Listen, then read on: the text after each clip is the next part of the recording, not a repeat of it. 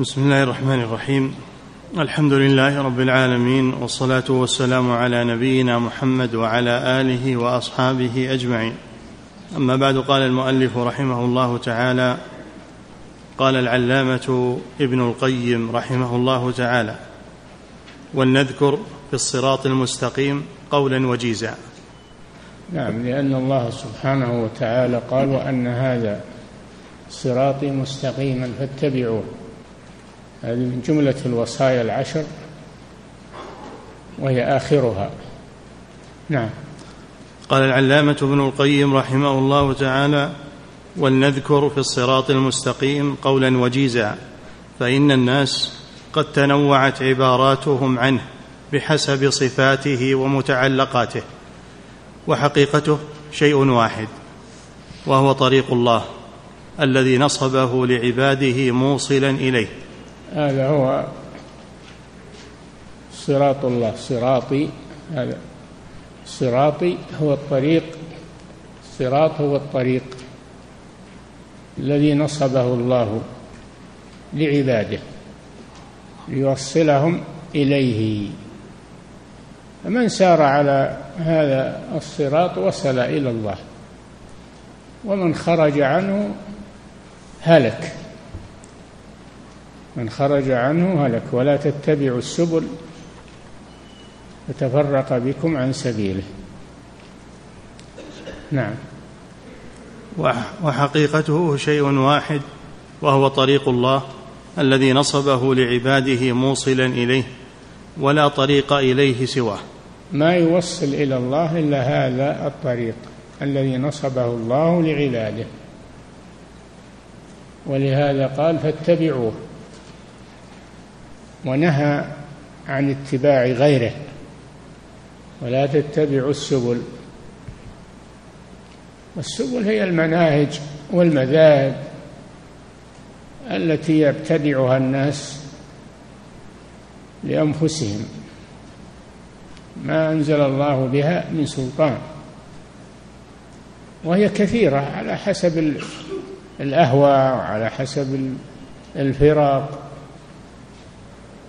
كل له منهج غير منهج الله سبحانه وتعالى.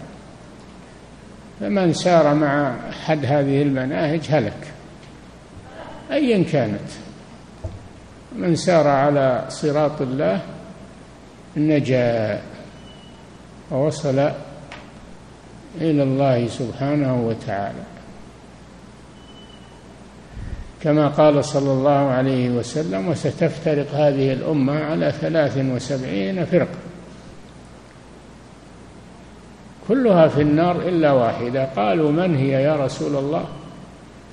قال من كان على مثل ما أنا عليه اليوم وأصحابي طريق الرسول صلى الله عليه وسلم. أنا غير ثلاث وسبعين هذا ليس من باب الحصر فالفرق كثيرة. أكثر من هذا. والعدد لا يفيد الحصر. والفرق كثيرة والمذاهب كثيرة والمناهج. خصوصا لما حدثت الجماعات والأحزاب وال... كثرت. كلها ضلال. إلا ما كان عليه الرسول صلى الله عليه وسلم وأصحابه. نعم. وهذا يحتاج إلى أمرين. يحتاج اولا إلى العلم والمعرفة بهذا الذي كان عليه الرسول وأصحابه. وثانيا يحتاج إلى الصبر لأن الذي يسير عليه سيبتلى من الناس. وسيلقى من الناس أذى ويلقى من الناس تهديدا ووعيدا لكن يصبر يصبر لأنه على الحق ويكون كالقابض على الجمر كما في الحديث. نعم. وهو طريق الله الذي نصبه لعباده موصلا إليه ولا طريق إليه سواه بل الطرق كلها مسدودة على الخلق إلا طريقه. طريق النجاة واحد وأما بقية الطرق فهي طرق هلاك. هي طرق هلاك ولا تتبعوا السبل فتفرق بكم عن سبيله يعني عن سبيل الله. نعم. بل الطرق كلها مسدودة على الخلق إلا طريقه الذي نصبه على ألسن رسله. نعم. وجعله موصلا لعباده إليه وهو نعم. إفراده بالعبادة. هذا هذا صراط الله. إفراد الله بالعبادة. من أفرد الله بالعبادة من جهة العقيدة وسلم من البدع والمحدثات من جهة الاتباع. فقد نجا. من سلم من الشرك وسلم من البدع نجا. ومن وقع في الشرك أو وقع في البدع هلك. نعم. وهو إفراده بالعبادة وإفراد رسله بالطاعة. هذا هو. إفراده بالعبادة وإفراد رسله بالاتباع والطاعة يتجنب البدع والمخالفات ومناهج الناس المحدثة. نعم. فلا يشرك به أحدا في عبوديته ولا يشرك برسوله صلى الله عليه وسلم أحدا في طاعته فيجرد التوحيد. ويجرد متابعة الرسول صلى الله عليه وسلم. هذا طريق النجاة. يخلص التوحيد لله ويخلص الاتباع للرسول صلى الله عليه وسلم. هذا طريق النجاة. بلى من أسلم وجهه لله وهو محسن. أسلم وجهه لله هذا التوحيد. وهو محسن أي متبع للرسول. صلى الله عليه وسلم. فله أجره عند ربه. ولا خوف عليهم ولا هم يحزنون. نعم. وهذا كله مضمون شهادة أن لا إله إلا الله وأن محمدا رسول الله. نعم. معنى شهادة أن لا إله إلا الله إفراده بالعبادة. ومعنى شهادة أن محمدا رسول الله إفراده بالاتباع. نعم. فأي شيء فسر به الصراط المستقيم فهو داخل في هذين الأصلين. أصلان عظيمان نعم. ونكتة ذلك أن تحبه بقلبك نعم. وترضيه بجهدك كله فلا يكون في قلبك موضع إلا معمورا بحبه. حب الله يعني نعم. ولا يكون لك إرادة إلا متعلقة بمرضاته. نعم. فالأول يحصل بتحقيق شهادة أن لا إله إلا الله والثاني يحصل بتحقيق شهادة أن محمدا رسول الله. نعم. وهذا هو الهدى ودين الحق. أن و... الله قال ورضيت لكم الإسلام دينا. الإسلام هو الذي جاء به الرسول صلى الله عليه وسلم. هو الدين الذي يقبله الله سبحانه وتعالى. نعم. وهذا هو الهدى ودين الحق وهو معرفة الحق والعمل به. الهدى هو معرفة الحق وهو العلم النافع. الهدى ودين الحق هو العمل الصالح لأن هناك أديان لكن كلها باطلة. ما ما في دين حق إلا واحد دين الله سبحانه وتعالى. فالرسول جاء بالاثنين بالعلم النافع والعمل الصالح بالهدى ودين الحق. نعم. وهو معرفة الحق والعمل به وهو معرفة ما بعث الله به رسوله والقيام به. نعم. فقل ما شئت من العبارات التي هذا آخيتها هذا آخيتها يعني كلها ترجع إليه. كلها ترجع الأقوال الصحيحة كلها ترجع إلى هذا. وإن تنوعات العبارات كلها ترجع إلى هذا. مثل الآخية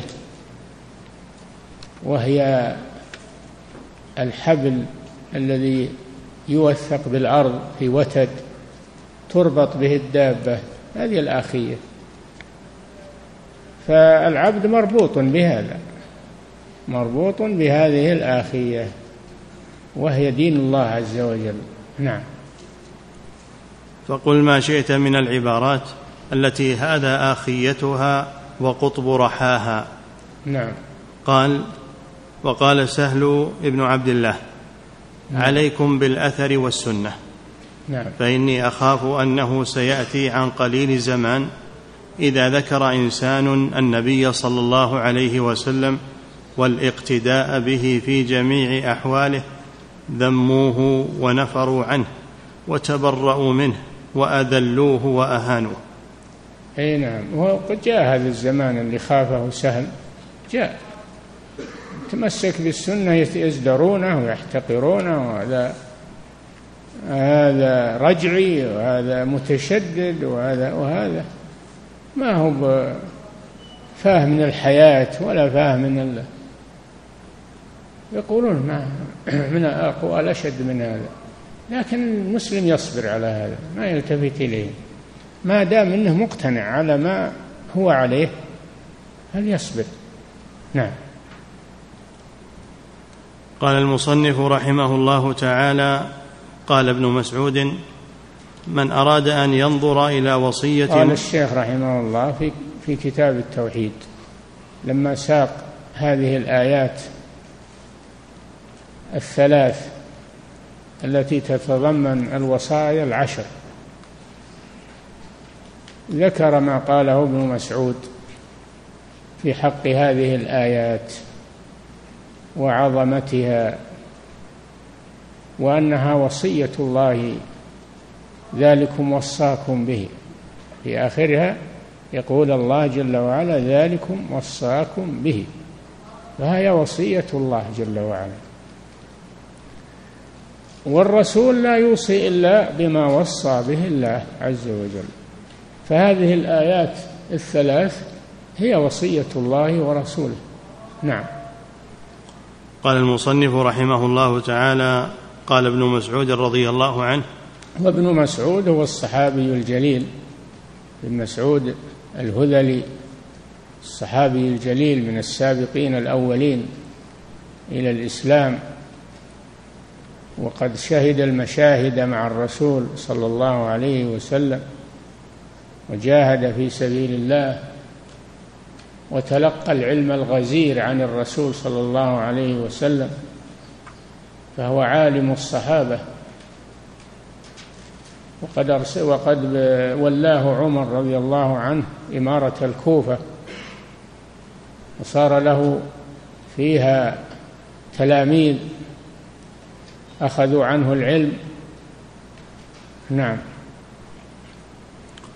قال ابن مسعود رضي الله عنه من أراد أن ينظر إلى وصية محمد صلى الله عليه وسلم التي عليها خاتمه فليقرأ قوله تعالى قل تعالوا أتل ما حرم ربكم عليكم إلى قوله وأن هذا صراطي مستقيما فاتبعوه الآية. نعم.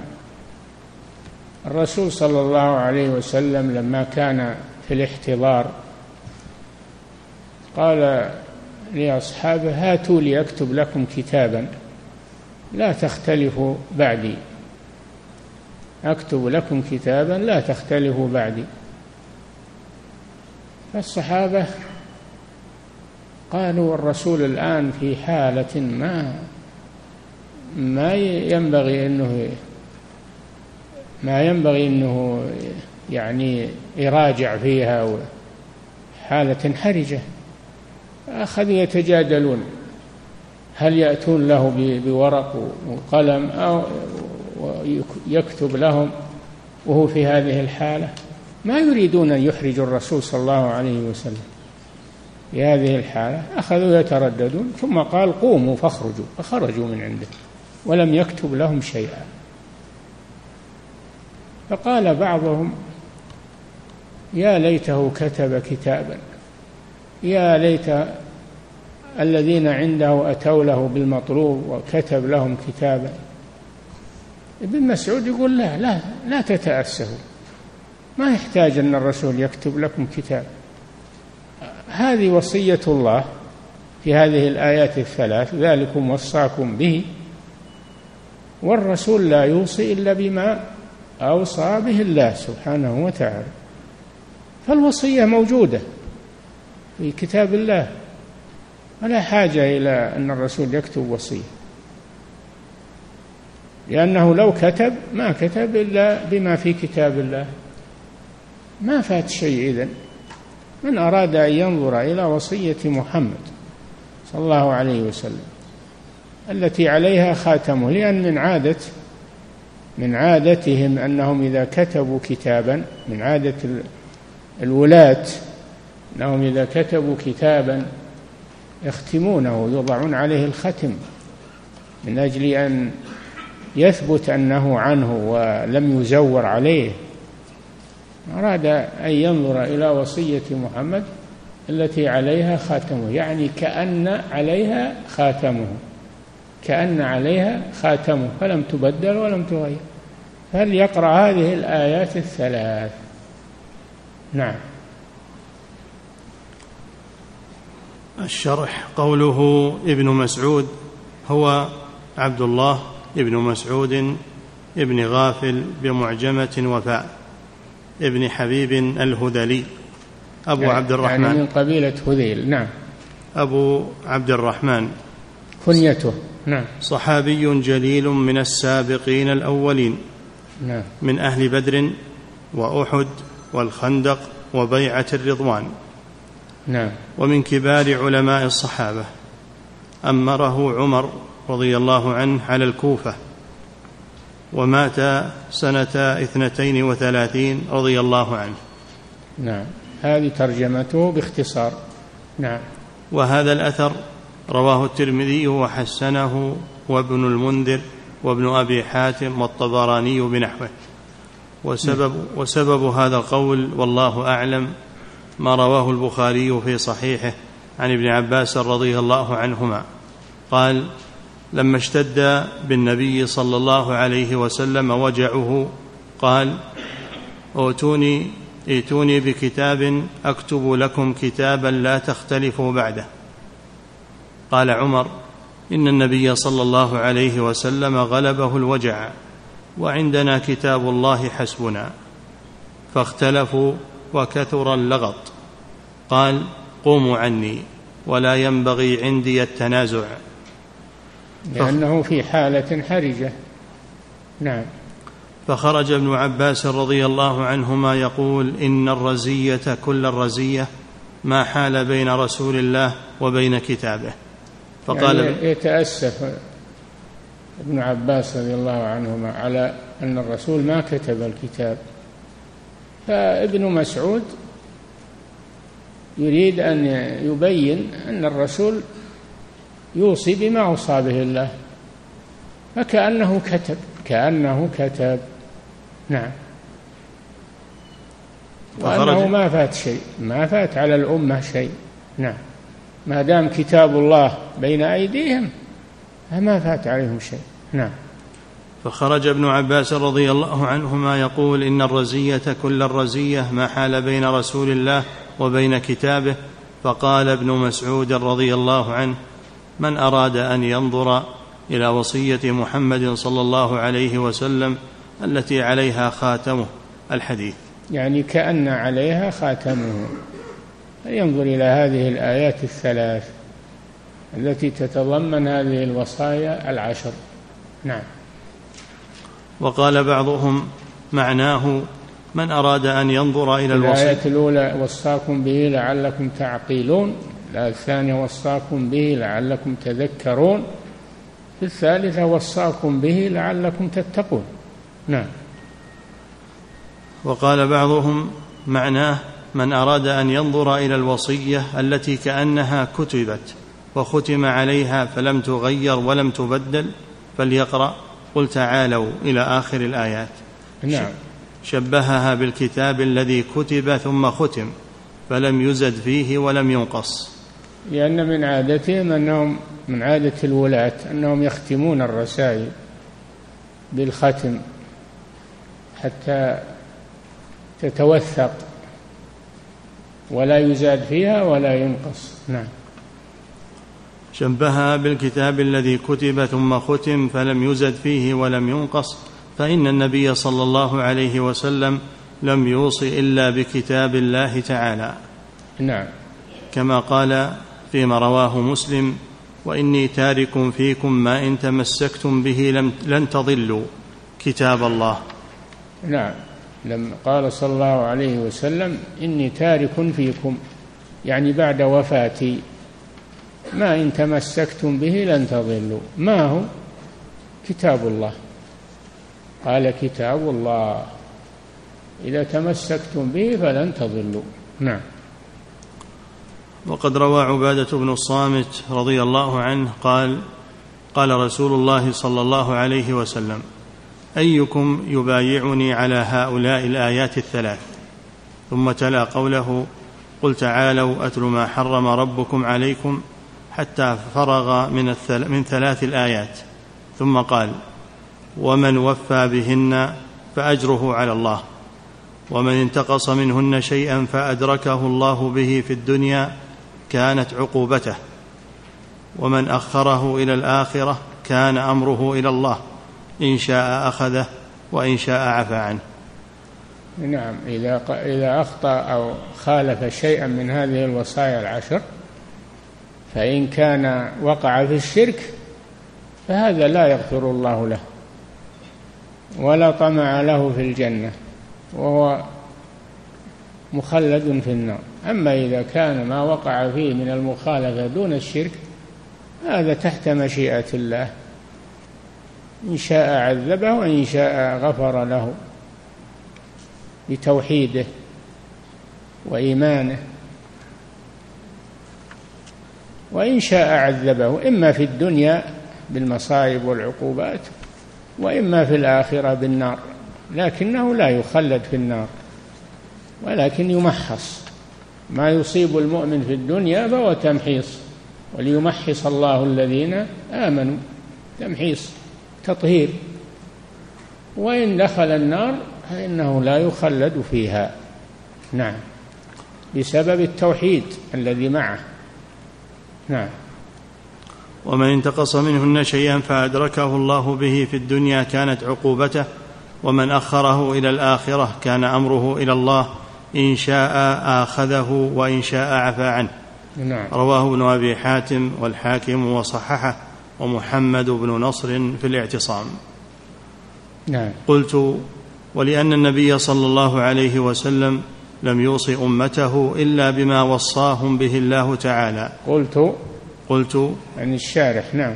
ولأن النبي صلى الله عليه وسلم لم يوص أمته إلا بما وصاهم به الله تعالى على لسانه وفي كتابه الذي أنزله تبيانا لكل شيء وهدى ورحمة وبشرى للمسلمين. نعم. وهذ وهذه الآيات وصية كان صلى الله عليه وسلم يقول في خطبه إن خير الحديث كتاب الله.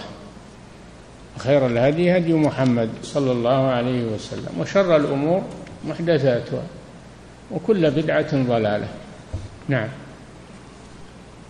وهذه الآيات وصية الله تعالى ووصية رسوله صلى الله عليه وسلم. نعم.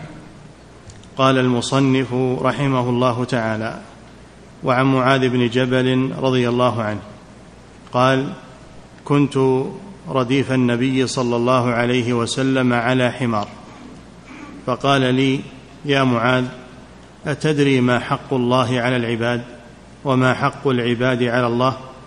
قلت الله ورسوله أعلم. قال حق الله على العباد أن يعبدوه ولا يشركوا به شيئا. وحق العباد على الله أن لا يعذب من لا يشرك به شيئا. لا. أن لا يعذب من لا يشرك به شيئا. نعم. قلت يا رسول الله أفلا أبشر الناس؟ قال لا تبشرهم فيتكلوا. أخرجاه في الصحيحين. حديث عظيم هذا. هذا ابن ابن عباس رضي الله عنه. نعم. حديث؟ معاذ بن جبل. معاذ بن جبل. معاذ بن جبل الصحابي الجليل. معاذ بن جبل الأنصاري. كان من أغزر الصحابة علما. كان أعلم الصحابة بالحلال والحرام.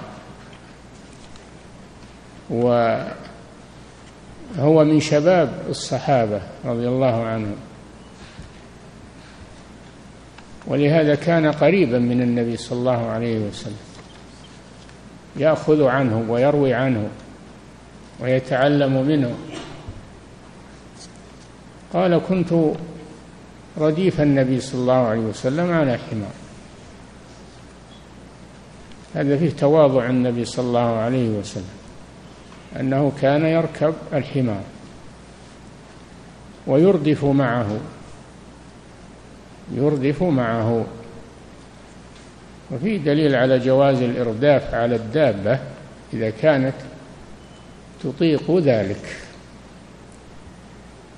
فقال يا معاذ يكلمه. فأجابه لبيك يا رسول الله. قال يا معاذ قلت لبيك يا رسول الله. قال يا معاذ ثلاث مرات. قلت يا لبيك يا رسول الله. قال أتدري ما حق العباد على الله؟ ما حق ما تدري أتدري ما حق الله على العباد؟ وما حق العباد على الله؟ أراد أن يعلمه هذا ولكن يعلمه عن طريق السؤال والجواب. لأن هذا أثبت في الذهن. فالتعليم عن طريق السؤال والجواب أثبت في الذهن. ولا الرسول يدري أن معاذ لا يعرف هذا. لكن ما بدأه به من الأول. قال حق الله كذا حق العباد كذا. بل أتى به عن طريقة السؤال من أجل أن ينتبه. ولهذا قال معاذ رضي الله عنه الله ورسوله أعلم. وهذا فيه أن الإنسان ما يتخرص في مسائل العلم بل إذا كان لا لا لا يعرف ما سئل عنه ليس عنده علم يتوقف ولا يتخرص يتوقف. ويقول الله ورسوله أعلم. يرد العلم إلى الله جل وعلا. وإلى الرسول صلى الله عليه وسلم في حياته. أما بعد وفاته فالمسلم يقول الله أعلم. ولا يتخرص يتوقف. قلت الله ورسوله أعلم. فهذا فيه عدم التعجل بالجواب والإنسان ليس عنده علم. وليس في هذا عيب. بل هذا يدل على الفضل. كونك تتوقف هذا يدل على الفضل والورع من الذي يتخرص ويقول على الله بغير علم. بعض الناس يستعيب إنه يقول ما أدري. لا لا لا تستعب هذا هذه فضيلة. لا تستعب قولة الله لا أدري. يقولون لا أدري نصف العلم. ومن قال لا أدري فقد أجاب. الله ورسوله أعلم. قال حق الله على العباد أن يعبدوه ولا يشركوا به شيئا. هذا حق الله على العباد. الذي أوجبه عليهم بعث به رسلا وأنزل به كتبه وأمرهم به. وهو أول الحقوق. هو أول الحقوق. قال تعالى واعبدوا الله ولا تشركوا به شيئا وبالوالدين إحسانا وبذي القربى واليتامى إلى آخر الحقوق العشرة التي في سورة النساء. فأول الحقوق هو حق الله. بعده حق الوالدين. بعد حق الوالدين حق القرابة. وهكذا. حق الله على العباد أن يعبدوه ولا يشركوا به شيئا. ما يكفي أنهم يعبدون الله وهم يقعون في شيء من الشرك؟ الشرك يبطل العبادة. لو عبد الله الليل والنهار وصلى وصام وحج وتصدق وهو يدعو غير الله بطل عمله ولقد أوحي إليك وإلى الذين من قبلك لئن أشركت أحبطن عملك ولا تكونن من الخاسرين. بل الله فاعبد وكن من الشاكرين. فالعبادة لا تصح إلا مع التوحيد وإذا دخلها شرك بطلت. كالمتوضئ إذا أحدث بطلت طهارته. كذلك الموحد إذا أشرك بطل توحيده. ولذلك لم يكتفي على بقوله أن يعبدوا الله حق الله على العباد أن يعبدوه. ما اكتفى بهذا قال ولا يشركوا به شيئا. وهذا كما في القرآن واعبدوا الله ولا تشركوا به شيئا. ما يكفي أن الإنسان يعبد الله. لا بد أن يتجنب الشرك. والأنبياء يقولون لأممهم اعبدوا الله ولا تشركوا به شيئا. يا قوم اعبدوا الله ولا تشركوا به شيئا. حق الله على العباد حق أوجبه عليهم. خلقهم من أجله. ما خلقت الجن والإنس إلا ليعبدون. أوجبه عليهم وخلقهم من أجله وتكفل بأرزاقهم. ما أريد منهم من رزق وما أريد أن يطعمون. إن الله هو الرزاق. يعبدوه ولا يشركوا به شيئا. وحق العباد على الله أن لا يعذب من لا يشرك به شيئا. وهو حق أوجبه على نفسه سبحانه ولم يوجبه عليه أحد لكن هو أوجبه على نفسه. وإلا ما أحد يوجب على الله شيئا لكنه أوجبه هو سبحانه على نفسه. حق العباد على الله أن لا يعذب من لا يشرك به شيئا. هذه بشارة عظيمة. فمن سلم من الشرك سلم من العذاب. إما سلامة مطلقة ولا يعذب أبدا وإما إن عذب وأصيب فإنه مآله إلى الجنة. ما دام أنه قد عبد الله وحده لا شريك له إذا سلم من الشرك. حق الله حق العباد على الله أن يعبدوه. ولا يشركوا به شيئا. فلما قالها رسول الله صلى الله عليه وسلم فرح بها معاذ رضي الله عنه استبشر بها.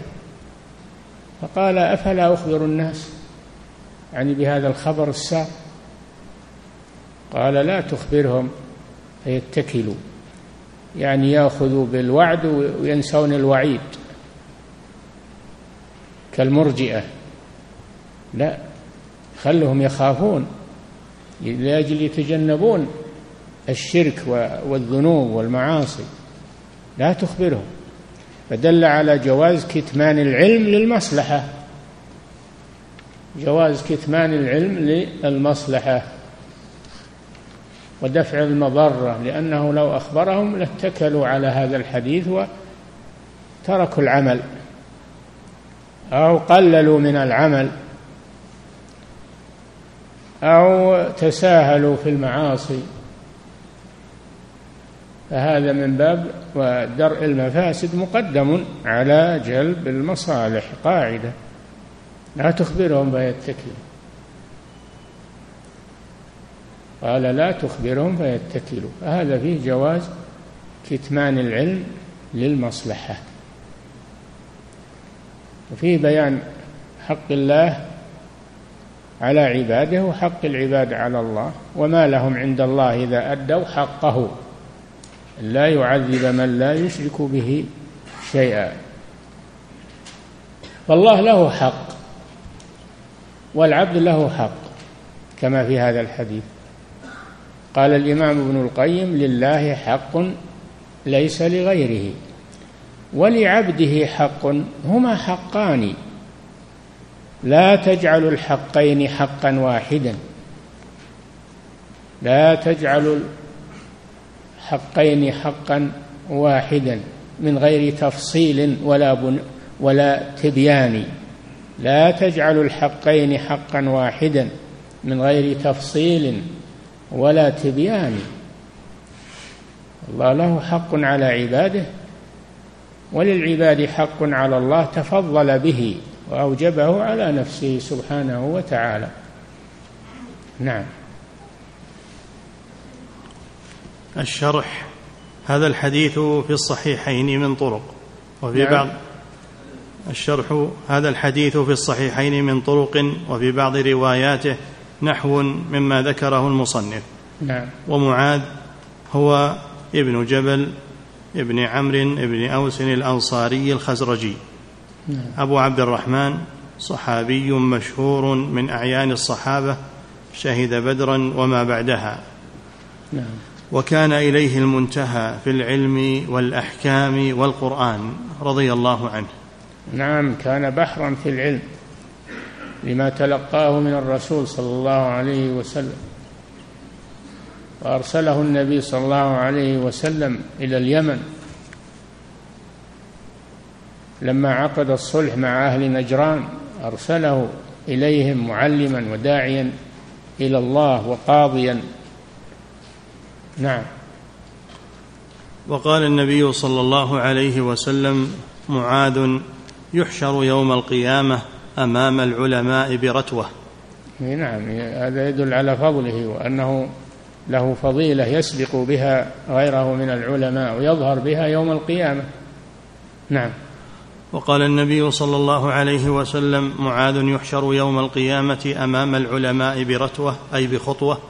قال في القاموس والرتوة الخطوة وشرف من الأرض وسويعة من الزمان والدعوة والقطرة ورمية بسهم أو نحو ميل أو مد البصر. يعني تختلف الرتوة تختلف في الطول والقصر. نعم. لكن المهم أن معاذا يسبق العلماء ويكون أمامهم يوم القيامة. نعم. والراتي العالم الرباني انتهى. نعم.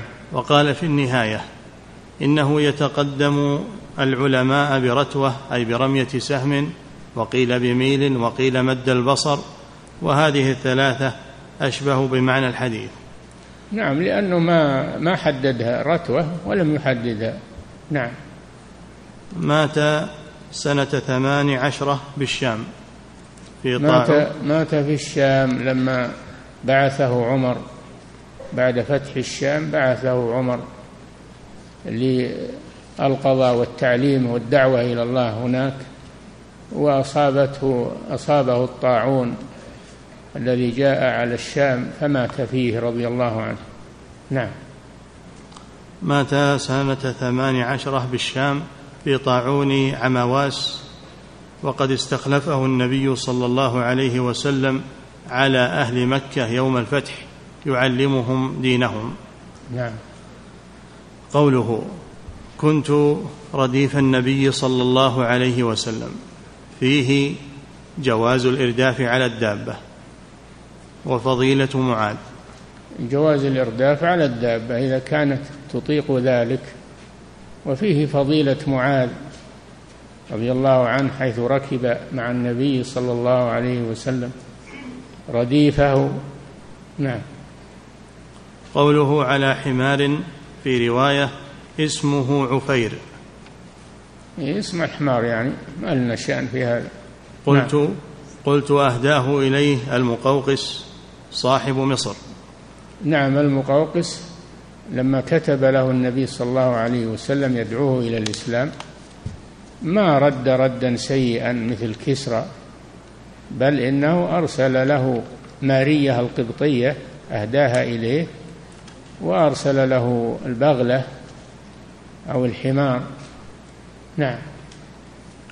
وفيه تواضعه صلى الله عليه وسلم لركوب الحمار والإرداف عليه خلاف نعم. خلافا لما عليه أهل الكبر.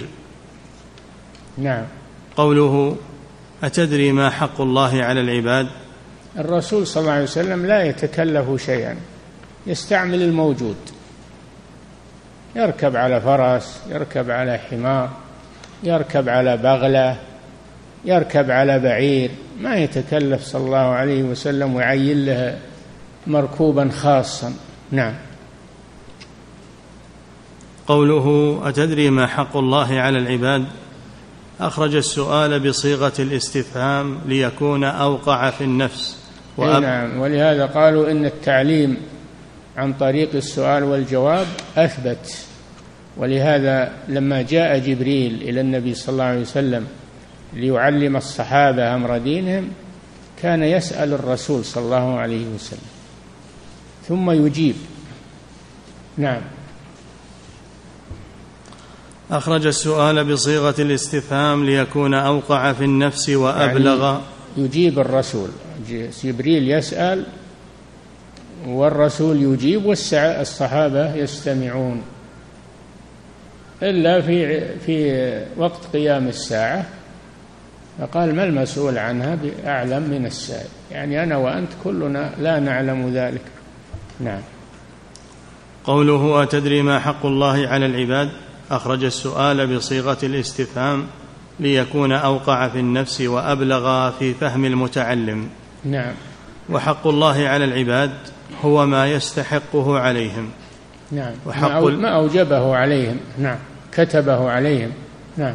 وحق العباد على الله معناه أنه متحقق لا محالة.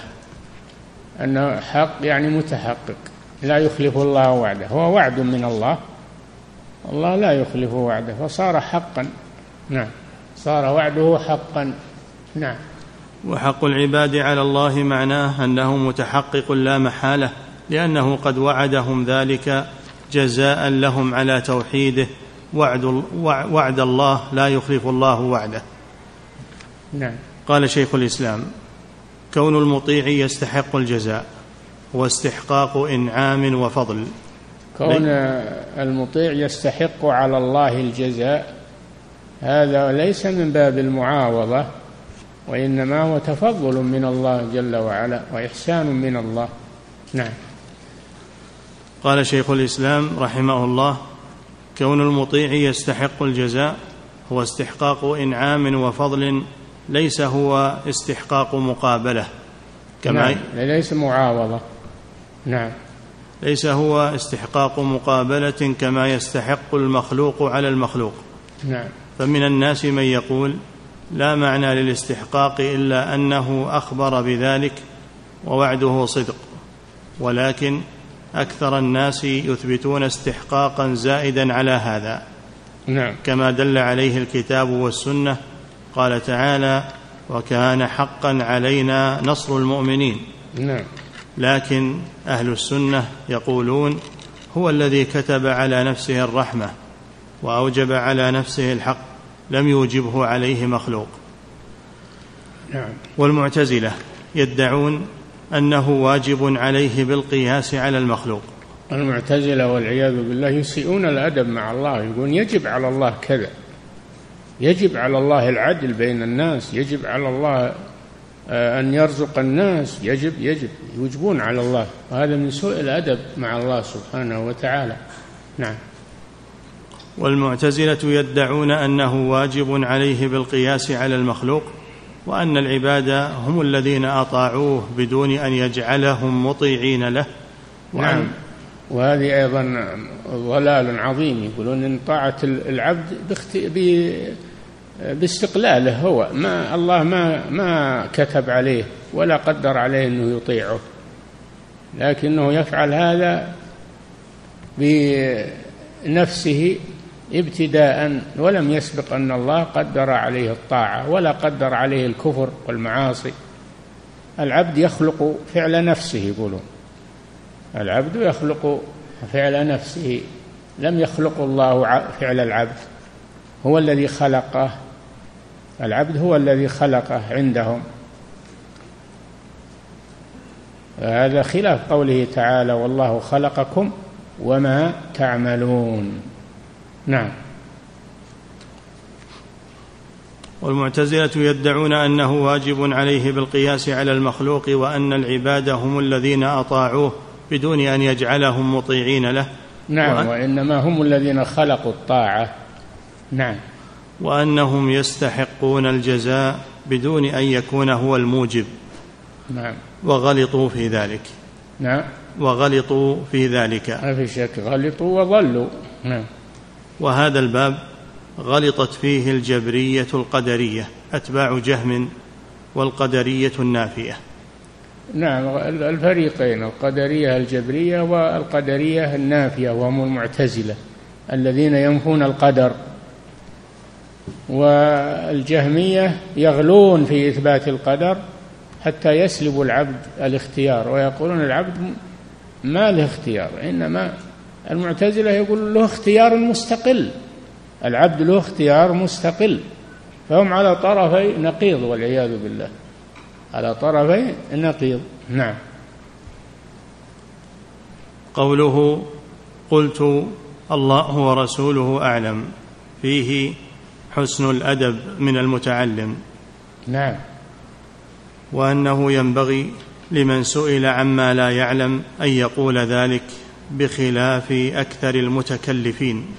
المتكلفين من طلبة العلم والمتخرصين يقولون على الله بغير علم. نعم. قوله أن يعبدوه ولا ما هو, ما هو من الشرط أنك تجيب على كل سؤال. لا تجب إلا على ما تعلم وتوقف عما لا تعلم. هذا هو العلم الصحيح. نعم. وليس هذا نقص إذا قلت والله ما أدري ما عندي من لكن براجع بسأل بشوف طيب. نعم. قوله أن يعبدوه ولا يشركوا به شيئا أي يوحدوه بالعبادة. أن يعبدوه ولا يشركوا به شيئا. يعني هذا هو التوحيد. هو عبادة الله وحده بدون شرك يخلط, يخلط معها. نعم. أن يوحدوه بالعبادة ولقد أحسن العلامة ابن القيم رحمه الله حيث عرف العبادة بتعريف جامع فقال وعبادة الرحمن غاية حبه. مع ذل عابده هما قطبان وعليهما فلك العبادة دائر ما دار حتى قامت القطبان ومداره بالأمر أمر رسوله لا بالهوى والنفس والشيطان. نعم هذا تعريف العبادة. أصلها الحب مع الذل الحب لله مع الذل لله. فمن أحب شيئا ولم يذل له فليس هذا عبادة مثل ما يحب الإنسان زوجته ويحب أولاده ويحب هذا ليس معه ذل هذا ليس عبادة هذا حب طبيعي. ومن ذل من شخص وهو لا يحبه فليس ذلك عبادة أيضا. كما يذل الإنسان للجبابرة والطواغيت يخاف من شرهم وهو لا يحبهم. هذا ليس عبادة. هذا خوف طبيعي. إنما العبادة هو الحب مع الذل لله عز وجل. هذا تعريف العبادة من حيث الأصل. ثم قال وعليهما فلك العبادة دائر الأوامر والنواهي والطاعات قربات يدور على هذين الأصلين غاية الحب مع غاية الذل وعليهما فلك العبادة دائر. ما دار يعني الفلك حتى قامت القطبان ومداره بإيش؟ بالأمر بالشرع. مداره بالأمر أمر رسوله لا بالهوى والنفس والشيطان. لا الإنسان ما يعبد الله بتخرصاته وبعبادة يخترعها هو.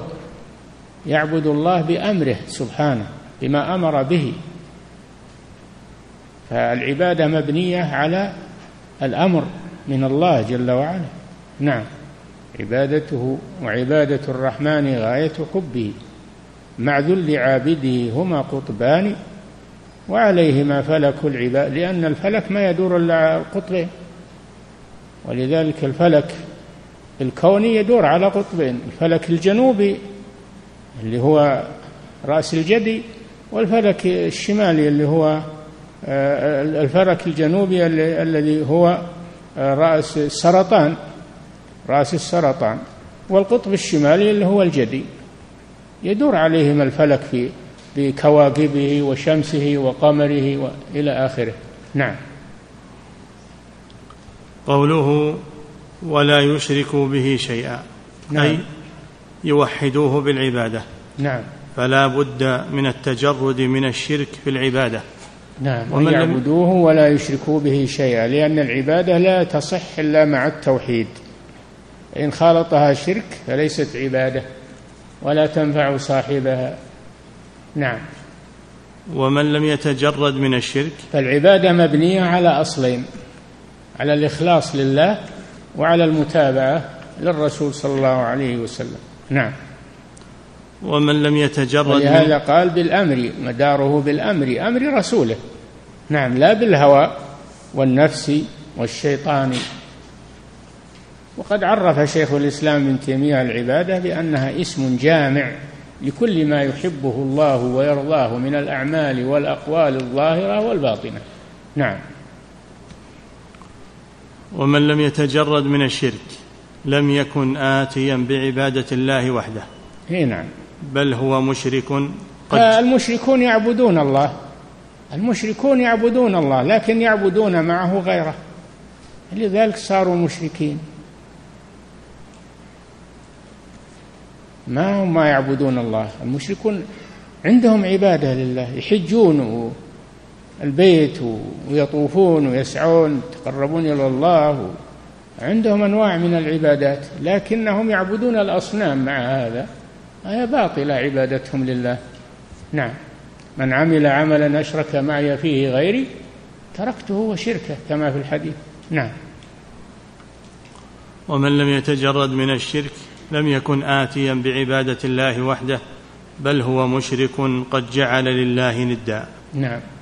وهذا معنى قول المصنف رحمه الله وفيه أن العبادة هي التوحيد لأن الخصومة فيه. لأن الخصومة في العبادة. الخصومة بين الرسل وأتباعهم في العبادة. الرسل يقولون لهم اعبدوا الله ولا تشركوا به شيئا. هم يقولون لا نعبد الله لكن نعبد معه. ما نريد من الأصنام والأحجار والأشجار. أجعل الآلهة إلها واحدا. ما يريدون أن الإله يكون واحد. يريدون عدة آلهة كل على هواه. نعم. وفي بعض الآثار الإلهية إني والجن والإنس في نبأ عظيم. يعني الآثار الإلهية التي تنسب إلى الله عز وجل. أن الله قالها. أن الله قالها. قال هذا الأثر. نعم. وفي بعض الآثار الإلهية إني والجن يعني وال... يقول الله إني. إيه، نعم. إني والجن والإنس في نبأ عظيم. نعم. أخلق ويعبد غيري. نعم. وأرزق ويشكر سواي. خيري إلى العباد نازل وشرهم إلي صاعد. نعم. أتحبب إليهم بالنعم ويتبغضون إلي بالمعاصي. نعم. قوله وحق العباد على الله. نقف عند هذا. نعم.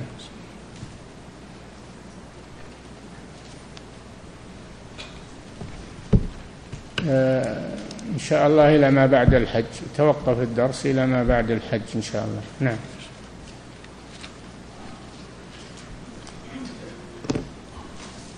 فضيلة الشيخ وفقكم الله. يقول السائل كيف الجمع بين قوله تعالى وأن هذا صراطي مستقيما فاتبعوه ولا تتبعوا السبل وبين قوله سبحانه والذين جاهدوا فينا لنهدينهم سبلنا؟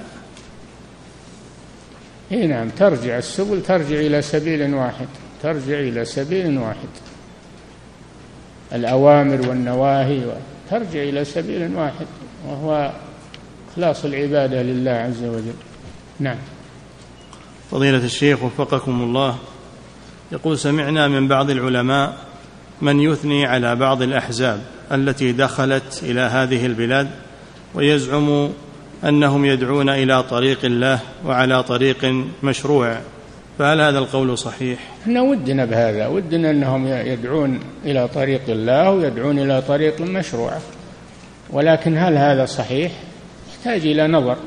ننظر في دعواتهم ومناهجهم ونشوف هل هي كما قال هذا القائل أو لا. الدعوة ما تكفي لا بد من التحقيق في هذا. نعم. فضيلة الشيخ وفقكم الله يقول شرح بعض طلبة العلم كتاب التوحيد. وعند قيامه بالشرح ضعف كثيرا من الآثار الموجودة في هذا الكتاب فهل ما يذكره هو أو غيره صحيح؟ هذا هدم للكتاب ما هو ما هو بشرح هذا هدم للكتاب. فهذا ما يصلح. نعم. وهذا ما يعرف منهج المؤلف ما يعرف منهج المؤلف في في سياقه للأدلة ما يسوق باب إلا فيه آية ولا حديث صحيح ثم يذكر بعد ذلك ما يأتي بمعنى الآية ومعنى الحديث. فهو على منهج سليم المؤلف. نعم. لكن هذا ما يفهم منهج المؤلف. نعم. فضيلة الشيخ. ينبغي لمن يشرح أي كتاب أنه ينظر إلى منهج مؤلفه أولا ثم يمشي عليه. نعم. فضيلة الشيخ وفقكم الله الجماعات والأحزاب كثرت وتتكاثر في هذا الزمن فكيف يعرف المسلم ويفرق بين الصحيح منها والفاسد؟ يعرف هذا بالكتاب والسنة يعرض أقوالهم ومناهجهم على الكتاب والسنة فما وافق الكتاب والسنة فهو حق. وما خالف الكتاب والسنة فهو خطأ أو ضلال. الحمد لله عندنا الميزان. فإن تنازعتم في شيء فردوه إلى الله والرسول. إن كنتم تؤمنون بالله واليوم الآخر ذلك خير وأحسن تأويلا. وما اختلفتم فيه من شيء فحكمه إلى الله. ذلكم الله ربي. عليه توكلت وإليه أنيب. فنرجع إلى الكتاب والسنة. فما وافق الكتاب والسنة فهو حق وما خالفهما فهو مردود على قائله. نعم. فضيلة الشيخ وفقكم الله يقول ما نصيحتكم لطلبة العلم الذي الذين ينتشر بين بعضهم الغيبة وسوء الظن وعدم العمل بما تعلموه؟ هذا من الشيطان. على طلبة العلم وهم أولى بذلك أن يتركوا الغيبة والنميمة والكلام في الناس والتحريش بينهم وبين طلبة العلم وبين طلبة والعلماء والتحزب. صيروا تبع فلان احذروا من فلان. هذا ما يجوز بين طلبة العلم. الواجب التناصح يا أخي. تناصح اللي عنده خطأ يرجع عن عن الخطأ إلى الصواب. إذا كان عندك انتقاد لأحد فناصحه وبين لا يمكن أنت المخطي بعد. تناقش معه يا أخي. أما أنك تسبه وتغتابه وتحذر منه هذا ما هذه ما هي بطريقة العلماء ولا طريقة الناصحين. هذه طريقة النمامين. نعم. فضيلة الشيخ وفقكم الله يقول أليس في قول النبي صلى الله عليه وسلم أكتب لكم كتابا؟ أليس فيه دليل على أنه صلى الله عليه وسلم كان يجيد الكتابة كما لا لا يا أخي. أكتب لكم كتابا يعني آمر الكاتب أنه يكتب. فإذا أملى عليه فكأنه كتب. نعم. الرسول كان يحضر الكاتب ويملي عليه. يحضر علي بن أبي طالب يحضر آه، معاوية بن أبي سفيان يحضر الكتبة. ويأمرهم يكتبون. نعم. فضيلة الشيخ وفقكم الله من يقول لا نحكم بسلامة عقيدة المسلم وبكونه سنيا سلفيا حتى يثبت ذلك. هل هذا مخالف لمنهج أهل السنة والجماعة الأصل الأصل في المسلم عموما الخير والعدالة والأصل في العالم الخير والعدالة. إلا إذا تبين عنده ما يخالف ذلك فهنا يناقش وينصح عما عنده من الخطأ. أما اتهام الناس وقول والله ما ندري عن عقيدة هذا ولا ما دام إنه مسلم ويصلي وي... الأصل فيه العدالة والخير وأحسن الظن بالمسلمين. نعم. فضيلة الشيخ وفقكم الله قول الله ورسوله أعلم. بعد موت النبي صلى الله عليه وسلم هل يقال إنما كان من مسائل الدين؟ فيقال فيه الله ورسوله أعلم لأن الرسول عليه الصلاة والسلام هو أعلم الخلق بشرع الله. يا أخي دعنا من هالفلسفه العلماء يقولون هذا يقال في حياة الرسول. الله ورسوله أعلم. بعد وفاة الرسول يقولون الله أعلم لأن الرسول بعد وفاته لا يعلم. إنك لا تدري ما احدثوا بعدك. يقول الله له يوم القيامة إذا رد عن الصراط أناس ويقول صلى الله عليه وسلم أمتي أمتي. فيقول الله له إنك لا تدري ما احدثوا بعدك. إنهم لم يزالوا مرتدين. فأقول سحقا سحقا لمن بدل وغير. فبعد وفاة الرسول لا يعلم عليه الصلاة والسلام. نعم. فضيلة الشيخ وفقكم الله عبارة منتشرة بين الناس وهي من قال الله أعلم فقد أفتى. هل هذه العبارة صحيحة؟ أي نعم أفتى بأن الله أعلم.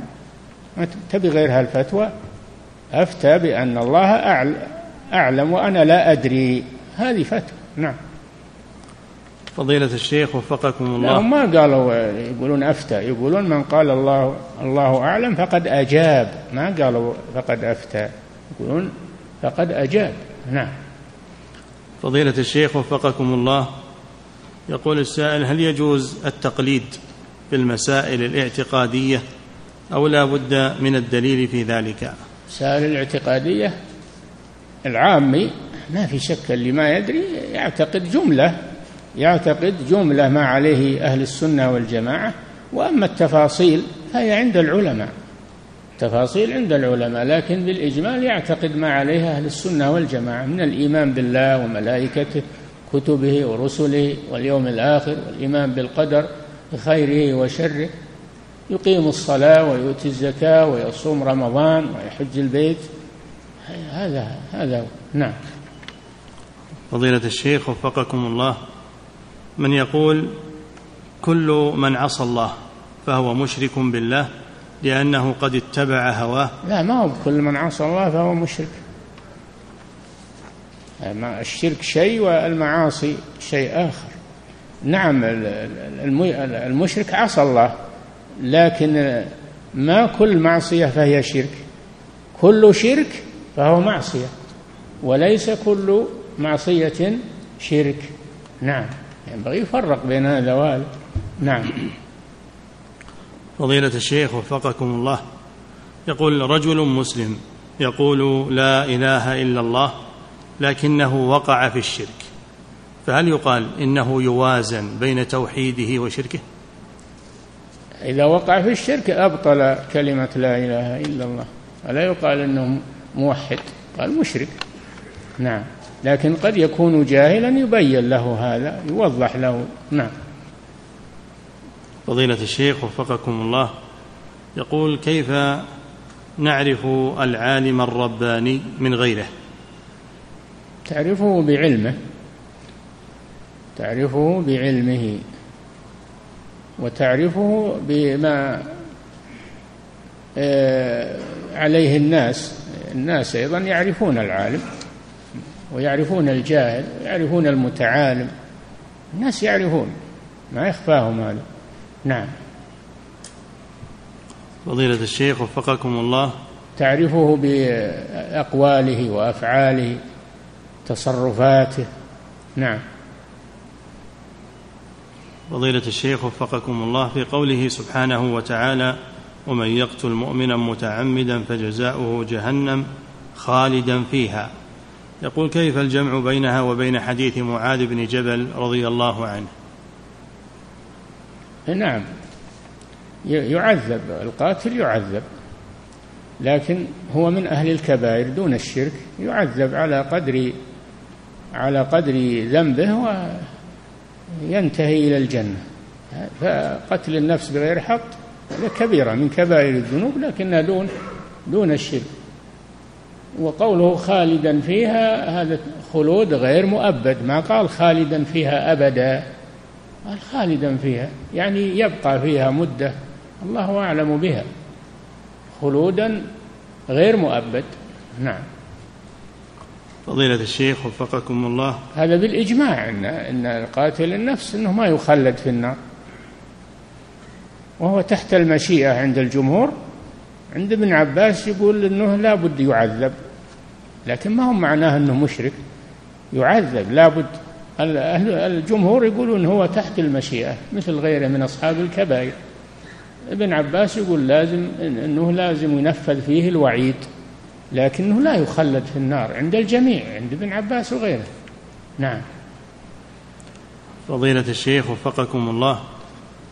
يقول هل من المحبة الطبيعية المأذون بها شرعا محبة الابن المسلم لأبيه الكافر أو لأخيه؟ لا ما لا تجد قوما يؤمنون بالله واليوم الآخر يؤدون من حاد الله ورسوله ولو كانوا آباءهم أو أبناءهم أو إخوانهم أو عشيرتهم. إبراهيم عليه السلام لما تبين له أن أباه عدو لله تبرأ منه تبرأ منه. فكونه يحسن إليه ويبر به هذا واجب عليه. أما كونه يحبه لا. يحسن إليه مكافأة. يحسن إليه من باب المكافأة على تربيته له وأنه والده يحسن إليه لكن لا يحبه بقلبه. أن تتعامل مع الكفار بالبيع والشراء وتحسن على من لا يسيء إلى المسلمين من باب المكافأة. لا ينهاكم الله عن الذين لم يقاتلوكم في الدين ولم يخرجوكم من دياركم أن تبروهم وتقسطوا إليهم. إن الله يحب المقسطين. فهذا من باب المكافأة والتعامل الدنيوي. أما المحبة في القلوب هذه لأهل الإيمان خاصة. نعم. فضيلة الشيخ وفقكم الله. يقول مجموعة من الشباب جاءوا إلى جدة في هذه الأيام. جاءوا. جاءوا إلى جدة في هذه الأيام لغرض العمل لكنهم ينوون الحج ولم يحرموا من الميقات بسبب عملهم فعند إرادتهم للطواف هل يخرجون إلى الميقات؟ عند إرادتهم للطواف. طواف أو للحج؟ عند إرادتهم الحج. إن كانوا يوم يمرون على الميقات وهم ينوون الحج هذه السنة يرجعون إليه ويحرمون منه. أما إن كانوا ما يدرون يحجون ولا ما يحجون ثم عزموا على الحج يحرمون من المكان الذي عزموا منه. نعم. فضيلة الشيخ وفقكم الله يقول الذي أحرم بالحج من الميقات. ولكنه منع من الدخول لعدم حمله تصريح. هل يعتبر محصرا يحل في مكانه ويحلق رأسه ولا شيء عليه؟ إذا منع منعا باتا ولا أمكن أنه يدخل يعتبر محصر. أما إذا أمكن أنه يدخل بالمحاولة فهو يبقى على إحرامه وإذا تمكن يؤدي النسك الذي أحرم به. وليس محصرا نعم. فضيلة الشيخ وفقكم الله يقول ذكرتم حفظكم الله بالأمس أنه لا بأس أن يطوف الإنسان راكبا العربة مع قدرته على المشي. نعم. السؤال حفظكم الله هل ينقص أجره بذلك فيكون كمن صلى جالسا مع قدرته على القيام؟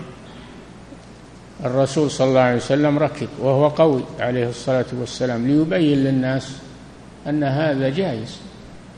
فيجوز الركوب في الطواف وفي السعي والحمد لله. وأما الأجر فهو عند الله. ما نقول ينقص إحنا ما ندري. هذا عند الله سبحانه. هذا على حسب نيته. نعم. فضيلة الشيخ وفقكم الله. يقول رجل اعتمر مع والده قبل عدة سنوات. نعم. رجل اعتمر مع والده قبل عدة سنوات. وعندما شرع في العمرة وبدأ بالطواف قطع العمرة لأنه قد أضاع والده وكان يخشى عليه لكبر سنه وضعفه. يقول ماذا يصنع الآن؟ وجد والده ولا ما وجده؟ إذا كان أنه ما وجد والده وراح يدوره ولا يدري وين يلقاه. هذا يبقى على إحرامه. ما ما عليه يعني ضيق. ما عليه ضيق. ولا يفوت. العمرة ما تفوت مثل الحج. ما تفوت. إذا وجد والده يكمل عمرته. نعم. فضيلة الشيخ وفقكم الله. يقول شقيقي قد توفاه الله ولم يحج. ويرغب مجموعة أكثر من ثلاثة أشخاص أن يؤدوا حج الفريضة عنه. فهل يجوز أن يحج عنه أكثر من واحد؟ يجوز أن يحج عنه أكثر من واحد لكن حجة واحد تكون فريضة وحجة الباقين تكون نافلة. نعم. فضيلة الشيخ وفقكم الله يقول السائل ابني الكبير قد تزوج وهو ساكن في ملحق فوقي عندي. وأقيم وأقيمه لصلاة الفجر ولكنه لا يقوم ولا ويصحى أو يقوم لعمله. يقول كيف أصنع معه؟ إذا لم إذا لم يقم ويعني ويستمر على هذا ما يقوم باستمرار فأنت تخرجه من من شقك ويستأجر هو شقه وينزل فيها يبعد تبعده عنك. ما تخليه. يستمر على ترك الصلاة وهو في شقك. إلا إذا كان ما يستطيع ما يستطيع يستاجر تبقيه في شقك. ولكن تواصل معه الأمر. تأمره بالصلاة توقظه للصلاة ما تتركه. نعم. فضيلة الشيخ وفقكم الله. بقول النبي صلى الله عليه وسلم لا ينكح المحرم ولا ينكح. هل يقتضي هذا أن العقد فاسد إذا عقد وهو باطل باطل. إذا عقد وهو محرم أو عقد له وهو محرم فالعقد باطل. نعم. لا بد من إعادته. نعم. فضيلة الشيخ وفقكم الله يقول هل يصح الطواف وهو على غير وضوء؟ وهل من طاف كذلك يعيد العمرة؟ نعم. من شروط صحة الطواف الوضوء قوله صلى الله عليه وسلم أو هو من كلام ابن, ابن عباس طواف بالبيت صلاة إلا أنكم تتكلمون فيه. قالوا هذا موقوف ولكنه في حكم المرفوع لأن كونه كونه يقول طواف وكونه يقول إنه يجوز الكلام فيه هذا ما يقوله إلا المرفوع ما يقوله الرسول صلى الله عليه وسلم. ما يقوله باجتهاده ما هو محل اجتهاد هذا. دل على أنه مرفوع فهو في حكم المرفوع. النبي صلى الله عليه وسلم ما ذكر عنه أنه طاف ابدا إلا وهو على طهارة ولهذا كان يصلي بعد الطواف. يصلي ركعتي الطواف دل على أنه يطوف على طهارة. أيضا لما حاضت عائشة قال لها افعلي ما يفعل الحاج غير الا تطوفي بالبيت حتى تطهري. دل على أن الطهارة شرط لصحة الطواف. نعم. فضيلة الشيخ وفقكم الله بقول النبي صلى الله عليه وسلم لعن الله زوارات القبور. يقول بعض شراح الحديث يقول إن الزوار هو من أكثر الزيارة. لكن في رواية زائرات القبور. في رواية زائرات القبور. هذا ما فيه تكرار. أي نعم. فضيلة الشيخ وفقكم الله امرأة تسأل فتقول إن زوجي قد تزوج بامرأة ثانية في بلد آخر وهي لا تعرف أنها الزوجة الثانية أنها الزوجة الثانية. سؤالها هل يجوز لي أن أتصل بها وأن أخبرها أنها هي الثانية وأني الأولى؟ ما عليك منها. إن إن قصر في حقك فطالبي بحقك. ما قصر في حقك فاتركيها. ما عليك منها. نعم. فضيلة الشيخ وفقكم الله يقول ما ما أعظم نعيم في الجنة؟ هل هو رؤية الله عز وجل؟ بلا شك أن رؤية الله هي أعظم نعيم في الجنة. نعم. فضيلة الشيخ وفقكم الله يقول السائل ما حكم الصلاة في المصلى الذي في الكلية في الجامعة مع القدرة على الصلاة في الجامع. إذا دعت الحاجة للصلاة في المصلى الجامعة صل. أما إذا كان ما عليك ضرر ما عليك ضرر ولا يفوت الدرس أو المحاضرة صل في الجامع الحمد لله. أما إذا كان عليك ضرر إذا ذهبت تفوت المحاضرة أو يحاسبونك نظاما على هذا فأنت صل في معهم في المكان الذي يصلون فيه والحمد لله. نعم. فضيلة الشيخ وفقكم الله يقول بعض الإخوان يلتزم التذكير بعبادات معينة كقيام الليل أو صلاة الضحى. يلتزم؟ يلتزم التذكير بعبادات معينة كقي التبكير التذكير. تذكير؟ نعم. إيه. التذكير بعبادات معينة كقيام الليل وصلاة الضحى ويكون تذكيره هذا بشكل يومي. يعني يأمر بقيام الليل. التذكير بقيام الليل يعني أنه يأمر بقيام الليل ويرغب فيه. هذا هو المقصود. مقصود حفظك الله يقول إنه يرسل رسائل جوال للناس بشكل يومي. تذكير بقيام الليل صلاة الضحى قراءة الكهف في يوم الجمعة في كل وقت بحينه. ما دام أنه يأمر بشيء ثابت عن الرسول صلى الله عليه وسلم. فلا بأس في الجوال أو في غيره. المهم أنه ثابت عن الرسول. نعم. فضيلة الشيخ وفقكم الله يقول رجل قد قارب الثمانين من عمره وعنده سرعة البول أكرمكم الله فهل يلزمه أن يلبس شيئا يمنع ذلك الخارج؟ وهل نعم, نعم. إذا جاءت الصلاة يستنجي يغسل ذكره ويضع عليه شيء يمنع التسرب ويصلي على حاله. الحمد لله. لا يكلف الله نفسا إلا وسعها. ما دام البول ينزل دائما وبغير اختياره هذا حدثه دائم. نعم. فضيلة الشيخ وفقكم الله يقول من لم يجد الماء ولا الحجارة ولا المناديل عند استنجائه فهل يستخدم التراب؟ تراب؟ نعم. كل ما ينشف المحل تراب أو طين أو مناديل أو ما في بس اللي ينشف المحل لا بس أو حجارة نعم. فضيلة الشيخ وفقكم الله يقول مات قريب لي وقول وقبل موته بأيام أوصى أهله. الزوجة والأولاد بأن يزوروه في قبره كل خميس فهل تنفذ هذه الوصية؟ أما أنهم يزوروه هذا السنة لو ما أوصاهم. يزورونه ويدعون له يسلمون عليه ويدعون أما تحديد يوم هذا لا أصل له.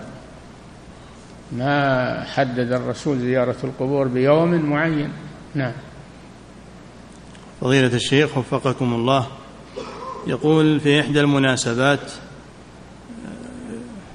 في حفل افتتاح بدأ الحفل بتلاوة القرآن وصفق أو وصفق الحضور للقارئ لما ذكر اسمه ثم لما انتهى من قراءته أيضا قاموا بالتصفيق. يقول هل يجوز هذا عند تلاوة القرآن؟ هذا لا يجوز. التصفيق لا يجوز. هذا من فعل أهل الجاهلية. وما كان صلاتهم عند البيت إلا مكاء وتصديح تصفيق وصفير هذه صلاة أهل الجاهلية. فلا يجوز إحياء هذه السنة الجاهلية. والقرآن لا يصفق عنده. هذا ما له أصل وأيضا هو من فعل الجاهلية ونحن نهينا نهينا عن التشبه بأهل الجاهلية. أيضا التصفيق للنساء كما قال الرسول صلى الله عليه وسلم فالرجل لا يتشبه بالنساء. لعن صلى الله عليه وسلم المتشبهين من الرجال بالنساء والمتشبهات من النساء بالرجال. نحن لا نتشبه لا بأهل الجاهلية ولا بالنساء. التصفيق ليس للرجال. نعم. فضيلة الشيخ وفقكم الله يقول هل يجوز الشرب قائما ويكون هذا باستمرار؟ وهل هناك فرق؟ يجوز الشرب قائما وقاعدا لكن كونه قاعد يشرب قاعدا أفضل وأحسن. نعم. يقول حفظك الله هل هناك فرق في الحكم بين ماء زمزم وبين غيره بالنسبة للقيام والجلوس؟ إذا كان يستدعي القيام لأن المكان ما يصلح للجلوس أو أنه عاجل يبي, يبي يمشي ما في بأس. نعم.